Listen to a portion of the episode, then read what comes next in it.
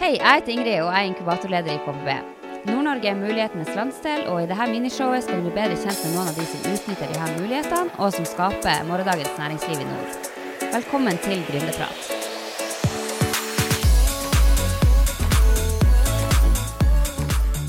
Hei og velkommen til KPB sin podkast KPB og co. Første show vi skal ha, det er et minishow eh, med fokus på gründere. Eh, og i dag har jeg med meg hun Marte Tverbakk Kjærensen, som en av gründerne jeg har jobba mye med sjøl. Som eh, har jobba i Min Memoria og Vilmer. Hvem er egentlig du, Marte? Ja, jeg er jo Marte fra Bodø. 31 år. Jeg er ergoterapeut i bunn, men har jo da bidd meg ut på en eh, gründerreise. Har samboer og han lille Oreo, som er hunden vår. Og hva, hva jobber du med? Eh, Jeg jobba i bedriften Wilmer, tidligere kjent som Min Memoria. Vi jobber med ulike teknologiske løsninger innen eldreomsorgen, eh, som i hovedsak går på å gi de eldre en bedre hverdag, et godt hjem, og gjør sånn at det, det er enkelt å legge til rette for aktiviteter og gode samtaler. Hva er din rolle i bedriften, da? Du som uh, gründer, så er den fortsatt å være potet. Mm. Sånn at uh, jeg har jo hovedansvaret for min memoria fortsatt. Både kundeoppfølging, uh, men òg litt inn på produkt, Mm. litt inn på markedsføring. Og nå begynner jeg å bli trukket ut av salg, men har jobba masse med det òg. Kan ikke du fortelle litt om eh, reisen til å bli co-founder av Min Memoria? Eh, det hele starta jo med at en av mine bedre venninner eh, fikk en idé som eh, som eh, som pårørende, da.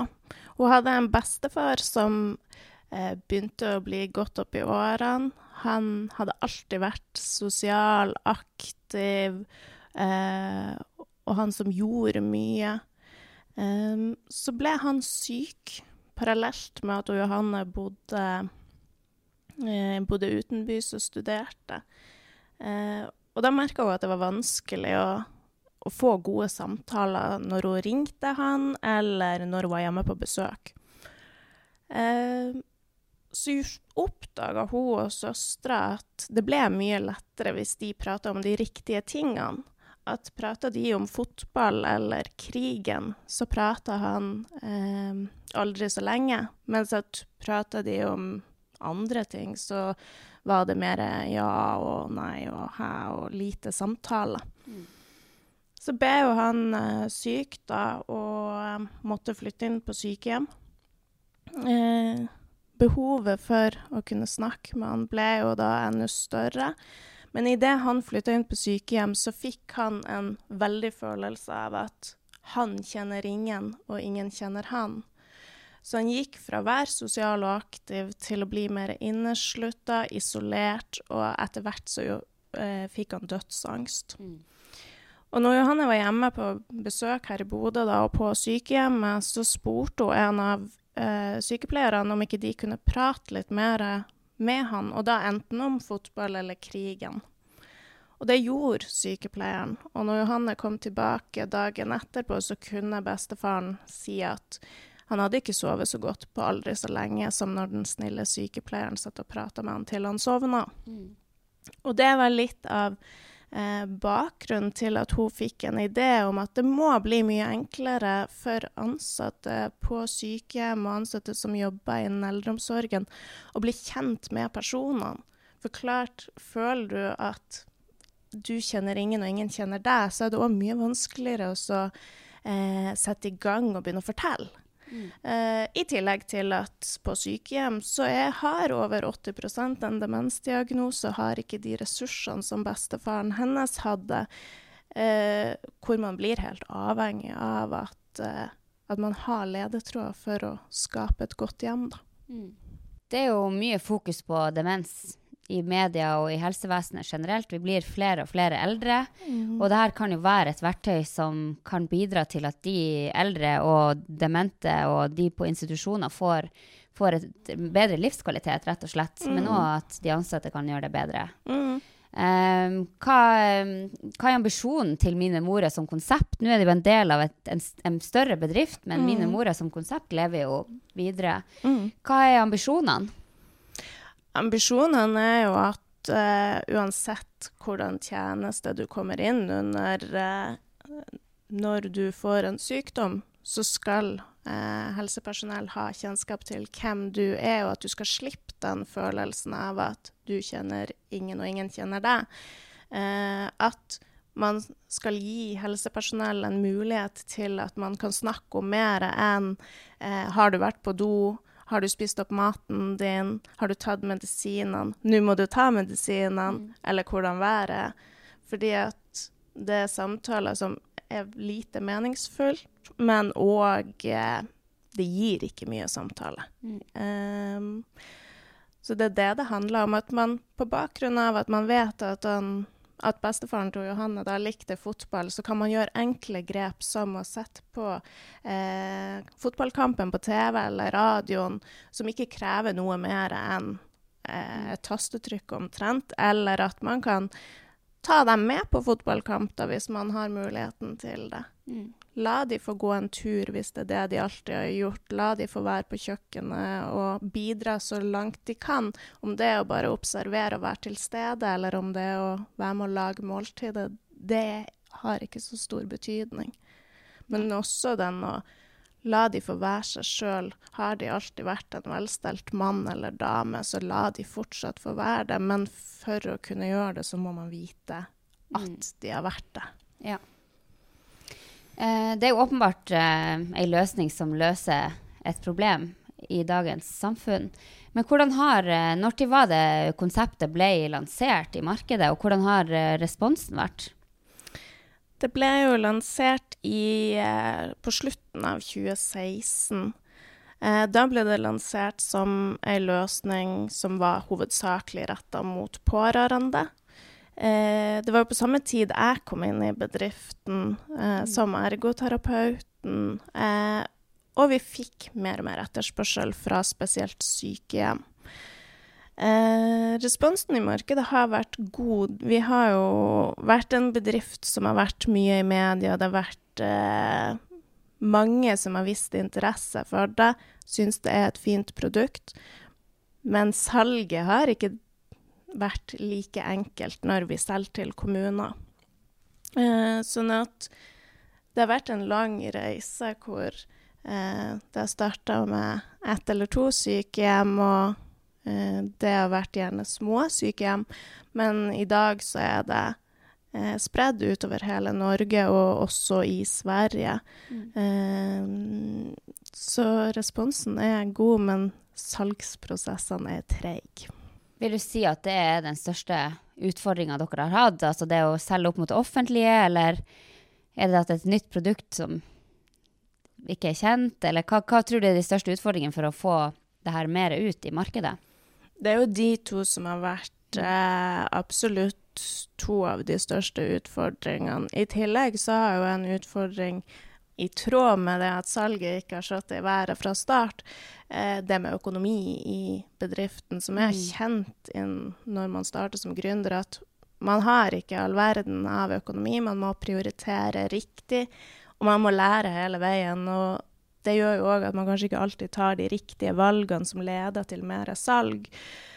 Eh, men vi har jo absolutt valgt oss det tyngste markedet med å gå selv til det offentlige. For beslutningsprosessene der mm. er veldig trege, og de har en um, De ansatte er veldig pressa på tid og ressurser og Ja. Mm. Og det ser man jo òg nå når det løftes veldig mye om hvordan eldreomsorgen er i dag, at de er kjempepressa. Og ja. da er det klart at det er mange ting som er viktigere faktisk enn mm. våre produkter når at det står om um, ja, liv mm. eller død. Du snakker litt om økonomi og det å ha råd til de rette aktivitetene i en oppstartsbedrift. I Norge er det jo mange gode virkemidler mm. for gründere. Eh, og, eh, men på et eller annet tidspunkt så, så, henter jo de aller fleste inn noe investorkapital eller privat kapital fra andre kilder. Eh, er det noe dere har gjort, og hvordan har den prosessen vært? Ja, eh, vi har jo både fått en del tilskudd fra Innovasjon Norge, men òg henta inn investorer. de første eller den første ordentlige emisjonsrunden vi hadde, da henta vi inn eh, tre investorer fra Bodø. Mm. Eh, som bl.a. dekket at jeg kunne begynne å jobbe i bedriften. Men som òg ga et mye større mulighetsrom for å trykke, eh, trykke på gass. Mm. Eh, de pengene holdt vi ganske lenge eh, før vi måtte inn i en ny emisjonsrunde. Kanskje vi starta litt treigt der, så det ble jo en eh, mindre emisjon, og hvor det gikk mest mot eksisterende eiere. Før vi i 2019 begynte å se at nå brenner det skikkelig i hele huset, og ikke bare på dass, og hvor vi var nødt til å gjøre noe. Da var vi på et sted hvor eh, vi visste ikke om vi fikk lønn, og sånn gikk det i flere måneder. Eh, vi visste ikke hvor vi skulle ta dem, men vi var jo tre stykker da som jobba med dette, og vi kjente vel alle på at nå er det på tide at vi får mer ressurser inn og hjelp. Eh, og da kom jo etter eh, både å ha sjekka ut skal vi hente inn nye eiere, vært og snakka med ganske store selskaper som jobber innenfor velferdsteknologi, eh, så hadde vi flaks da at Wilmer ville ta oss eh, inn og slå seg sammen med oss, da. Mm. Og det ble jo redninga vår, så jeg tror det er et veldig bra hjem for produktet. Ja. Så nå er Wilmer Wilmer er da en bedrift som eier mange ulike konsepter. Vil du si litt om Wilmer som, som bedrift? Mm. Eh, Wilmer, de de har jo en visjon om å skape flere gode øyeblikk innen eldreomsorgen. Mm.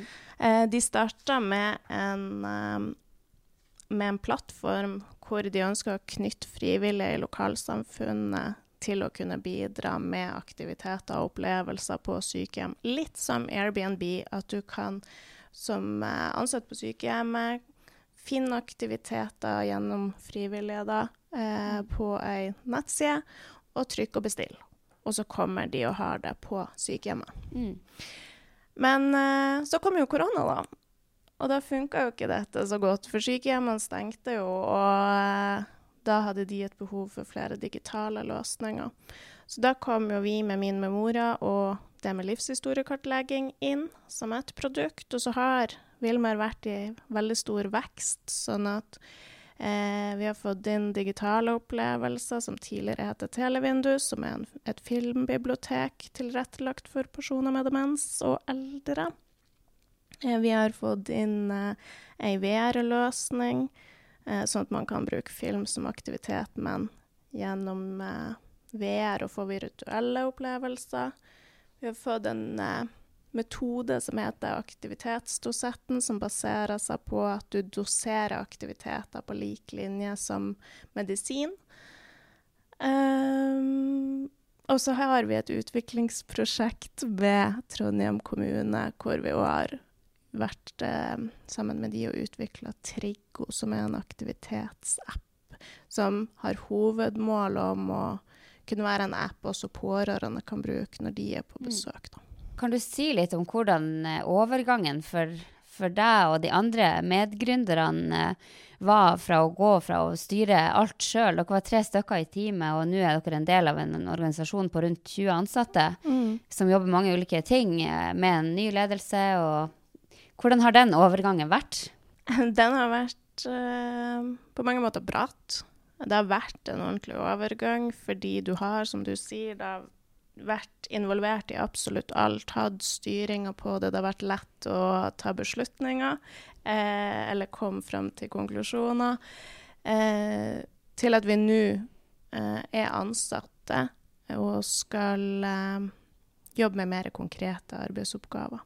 Mm. Men jeg er jo fortsatt poteter, og det går, baserer seg jo på at gjennom å ha jobba som potet i mange år og vært litt overalt, så har man òg fått en veldig bred erfaring og kompetanse. Um, og jeg trives jo veldig godt med det. da. Du snakka òg litt om det å få tak i riktige folk og bygge team har jo vært en viktig del, og det er jo noe som mange inkubatorbedrifter hos oss og gründere generelt, eh, det er utfordrende å finne de rette hodene. Og så er det jo litt sånn i Norge òg at det er veldig lav arbeidsledighet, noe som gjør at det er kamp om, eh, om folk, rett og slett. Ja. hva som eh, Hvorfor? Hvorfor være gründer? Altså hvorfor, eh, altså hvorfor ta den sjansen å gå inn og være ansatt i et oppstartsselskap? Det er forbundet til en del risiko. Det er forbundet til masse risiko. Det som jeg sier, vi var, hadde mange måneder hvor vi ikke visste om vi fikk lønn, og det, ofte må du starte uten lønn i det hele tatt. Men hvorfor? Fordi du får en helt unik CV.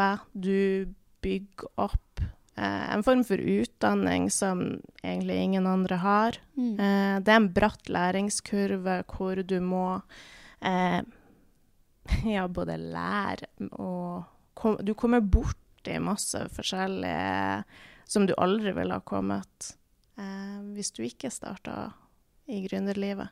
Du tør å utfordre deg sjøl i mye større grad fordi du må. Men så tror jeg det er viktig at ønsker du å bli gründer, så bør det være basert på et engasjement, og at du har eh, veldig stor tro på at du kan løse et behov eller en problemstilling, og at det er en god idé. Og så ville jeg ta det og få den syretesta en del ganger for å få sikra at det er ikke bare du som syns at det er en god idé. Mm. Du begynner jo å bli en uh, veteran i det gründermiljøet vi har uh, i KPB. Um, ser du noen trender? Er det noe du Hva ser du? Er trendene der? Er det noen som Er det um, noe man burde ha mer fokus på? 100% salg. Det, det er nummer én, og det var jo noe vi fikk erfare kjempegodt gjennom det. At uh, du skal ha så mange hatter, du er gjerne få folk. Uh, du skal gjøre så mye. Og hvis du ikke er en selger da, så er det lett at den jobben blir nedprioritert, og du Mm. begynner å tenke det tar vi i morgen eller om noen timer. Mm. Og så blir det ikke gjort og satt fokus på. Og så er jo fakta at uh, det er det som skal drive oss videre. Mm. Eh, så det å ha fokus på salg, og enten det er at du ansetter noen eller leier inn noen og bruker konsulent, eh, konsulenter til det, det er ikke så nøye, bare du fokuserer på å få inn penger. Mm. Og så er det jo der igjen da med det med prioriteringa eh, av den økonomien du har. At man må tenke du må bruke penger for å få inn penger. Mm. Eh, det tror jeg er ganske viktig. Hvis du skulle ønske deg noe, altså for å Nå har du vært med i en oppstartsbedrift i mange, mange år. Eh, hva, hvis du skulle ønske deg noe på en måte fra virkemiddelapparatet eller av tilbud eller initiativ fra næringslivet, er det noe du hva, du hva du ønsker deg for å få Hva kunne vi ha gjort for å få bedrifter til å lykkes raskere og, og be, gjøre det bedre? Jeg syns jo at det som fungerte veldig godt hos oss, det var å bli piska. Å få sannheten rett i trynet.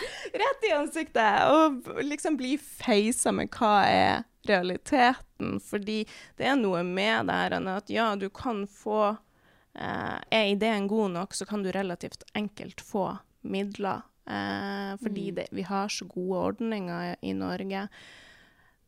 Men de midlene kan òg fort bli en hvilepute. Mm. Sånn at det å bli litt piska og få eh, noe som får opp øynene litt da, for hva som faktisk er, er viktig, da, og ah, ja, at man ikke lar noe bli en hvilepute, det tror jeg er kjempeviktig. Og at man Mm. holder fokus. Ja.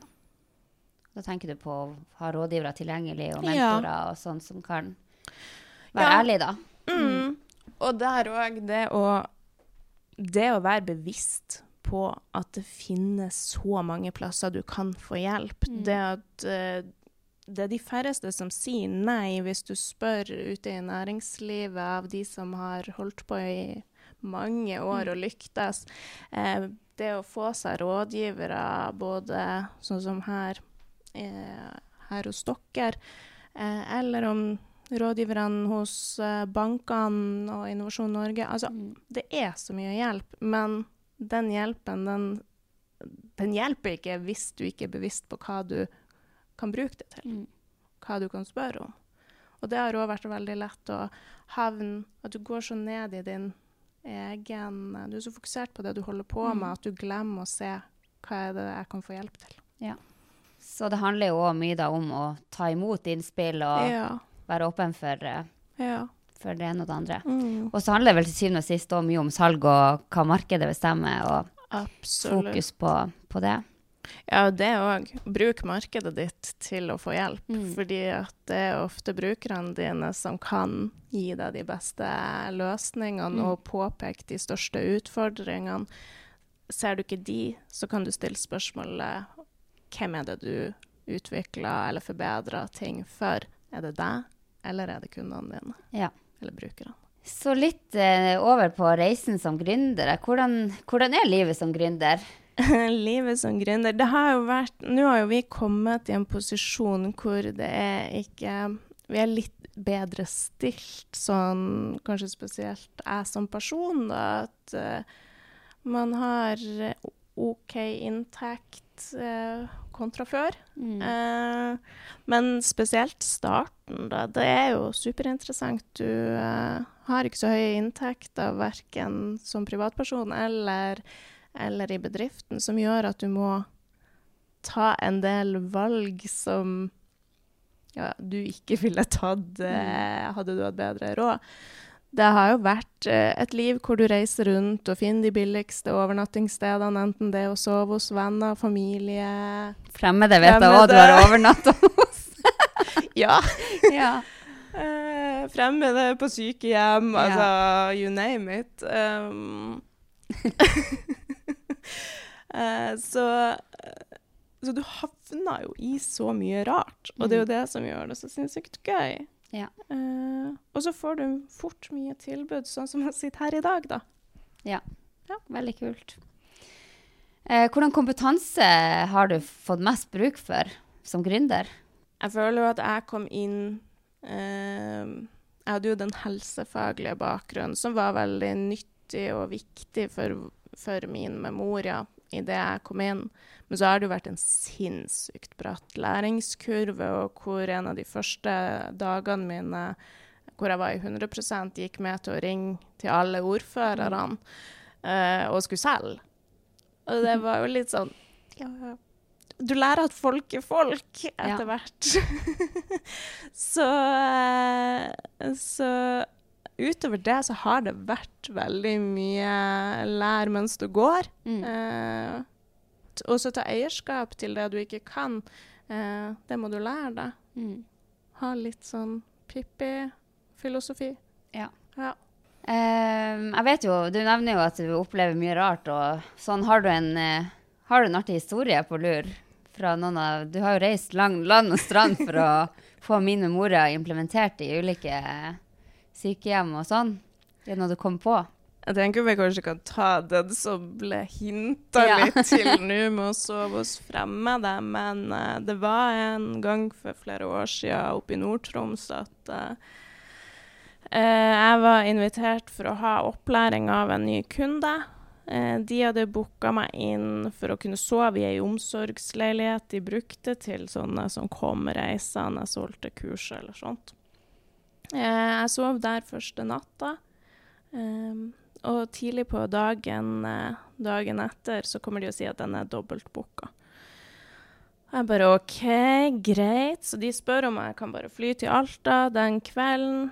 Nei, reiste til Alta den kvelden for å ta fly dagen etterpå. Jeg bare ja, ordna dere dette, da? Fordi det var jo et stykke til Alta. Nei, nei, det fikk jeg ordna sjøl, og sette meg på bussen. Mm. Så gjennomfører jeg opplæringa og blir kjørt til det busstoppet som er utenfor bensinstasjonen. Dette er i juni, og jeg er kledd for juni, Bodde kanskje Oslo, mens dette var i Nord-Troms, og der snødde det. Eh, og eh, det kommer jo ingen buss. Og jeg står der og fryser. Det kommer ikke noen buss. Eh, til slutt så kommer han som jobber på, på bensinstasjonen og spør om jeg vil komme og stå inne på bensinstasjonen mens han tar oppgjøret. Jeg bare sånn, ja. Så kommer kona hans for å hente han. og, og til slutt så er de jo ferdig med det oppgjøret, og jeg må nå stille meg der ute på busstopp igjen. Og de kunne fortelle at bussen var forsinka pga. ferga. Så får jeg hos dem et sånn lite flispledd. Og jeg står der og hutrer og fryser, kommer ikke noe buss. Så går det et kvarter, og da kommer de kjørende tilbake, han er mannen og kona. Og så sier de har du lyst til å bli med hjem til oss og enten sove der, for vi skal til Alta i morgen, eller så kan du komme på en kopp kaffe. Klokka var elleve på kvelden. Uh, og jeg sier bare ja! så blir jeg med dem og ender opp med å sove der, fordi den bussen var jo fortsatt to timer for sein. Så det Ja. var veldig koselig. Men hun sa jo da når jeg kom inn på sånn Du har ikke tenkt at det kan hende at vi er seriemordere, eller noe sånt? Det gikk heldigvis bra, og det, Det finnes heldigvis bra. mange fine folk rundt omkring i hele, hele landet. Absolutt. Um, ja, nå har vi vært innom mange ulike tema, men jeg lurer på om du har noen uh, tre tips Mm. for uh, de som vurderer å bli gründere, eller som er i en oppstartsfase?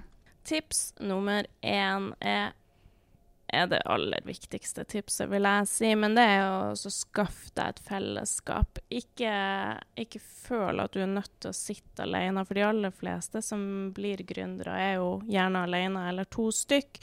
Men finn deg et fellesskap, sånn som inkubatoren er her for meg og vi som sitter der. Eh, du trenger ikke være der hver dag, men det å ha noen du kan spare med, det, det er så viktig for å stå i alt, rett og slett. Eh, tips nummer to er forvent at det kommer til å gå opp og ned. Eh, det kommer til å gå opp og ned, og det er når det går ned du lærer aller mest. Og det er da du bygger CV, og det er da du, du virkelig blir god. Og tips nummer tre, det er å feire seirene. Sett deg milepæler, og bestem deg hvordan du skal feire det, når du når det, fordi eh, det er så fort at du bare går videre. Og så har du egentlig klart noe kjempestort, noe som er superviktig, og så bare markerer du det ikke. Mm. Men det er viktig å markere det for å ja, se at du går framover, og at du gjør bra ting. Veldig gode tips. Og nå er det jo fredag, så da er det vel all grunn til å ta ei lita feiring og vurdere uka om det er noe, noen milepæler som er nådd. Ja. Tusen takk, Marte, for at du ble med i eh, KPB og Co. sin første podkast. Tusen takk for at jeg fikk komme. Vi snakkes. Vi gjør det. Ha det. Ha det.